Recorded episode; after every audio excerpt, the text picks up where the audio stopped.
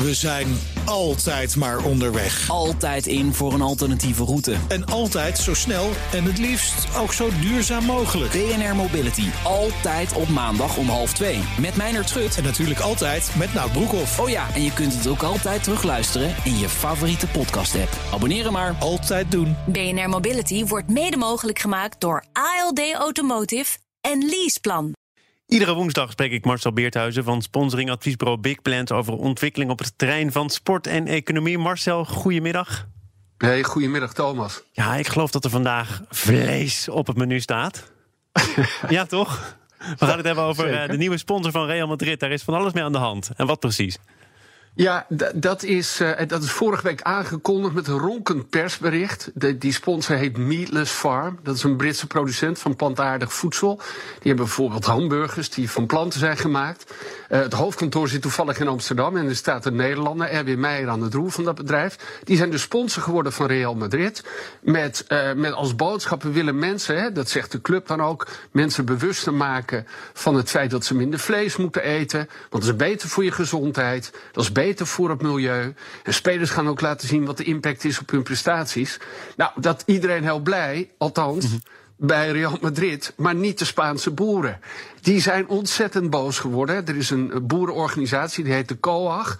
En die zeggen, ja, wat is dit nou Real Madrid? Uh, uh, wij, uh, er is geen eens wetenschappelijk bewijs voor het feit dat dat beter zou zijn voor het milieu of voor de gezondheid.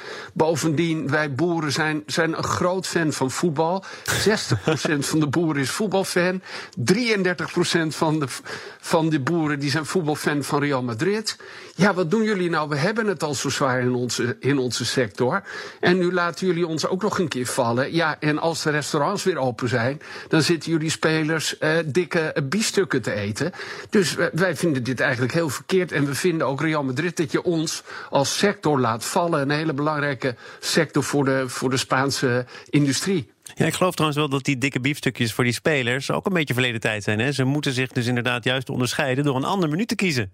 Nee, absoluut. Nee, het is natuurlijk een eenzijdig verhaal van die boeren. Uh, uh, en je ziet zelfs dat er steeds meer uh, topsporters zijn die gewoon vegetariër zijn. Hè, en, en, en, op een heel goed vegetarisch dieet ook topprestaties kunnen leveren. Dus, maar ze voelen zich natuurlijk een beetje ja. in de steek gelaten. Komt dit, komt dit vaker ja. voor, een sponsor die op deze manier voor verdeeldheid zorgt?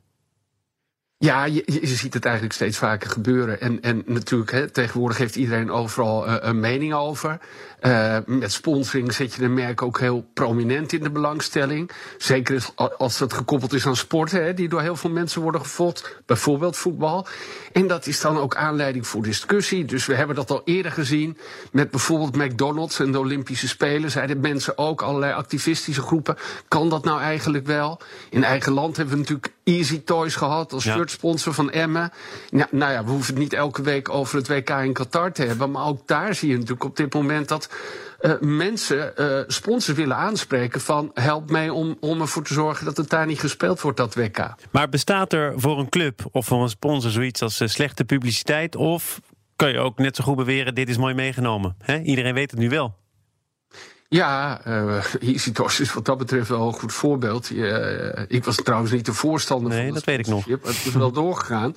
En, maar die hebben dankbaar gebruik gemaakt van die com commoties. Laatst onderzocht. Nou, hè, wat is nou de spontane en geholpen naamsbekendheid van sponsors van de, eer, uh, van de eredivisie? En er staat EasyToys mm. gewoon op de derde plek na Ziggo en Avas. Zowel bij voetbalvolgers, maar ook onder niet-voetbalvolgers. Dus die commotie zorgt voor ongelooflijk veel aandacht. In dit geval is het goed voor Meatless. Hè, dat, dat, bedrijf, dat Nederlandse bedrijf, dat Britse bedrijf, uh, Meatless Farm. Maar moet Madrid of moet Meatless Farm nog met een, met een reactie komen? Of moet je dit dus laten welgevallen en uiteindelijk concluderen: het is alleen maar uh, winst? Nou ja, tegenwoordig weet je uh, eigenlijk dat er altijd wel iemand is die uh, niet tevreden zal zijn uh, met, met wat er ook wordt aangekondigd. En uh, het is denk ik ook een hele mooie manier om, uh, om waar je voor staat als bedrijf en ook als club, om dat onder de aandacht te brengen. Ja, en er zijn er maar mensen die het daar niet mee eens zijn, maar dan spreek je wel uit waar je voor staat. En, en consumenten, het publiek vindt dat natuurlijk ook steeds belangrijk. Hè? Dat, dat, me, dat merken en bedrijven laten zien uh, uh, waar ze voor staan. En, en sociale maatschappelijke ontwikkelingen die zijn natuurlijk ook enorm van invloed op wat er in reclame en ook in sponsoring ja, gebeurt. Maar we, we, hebben er eigenlijk geen tijd meer voor. Maar Qatar staat ook al heel lang op allerlei shirts van toonaangevende voetbalclubs. Dus de maatschappelijke agenda of antenne van clubs is niet altijd geweldig afgestemd.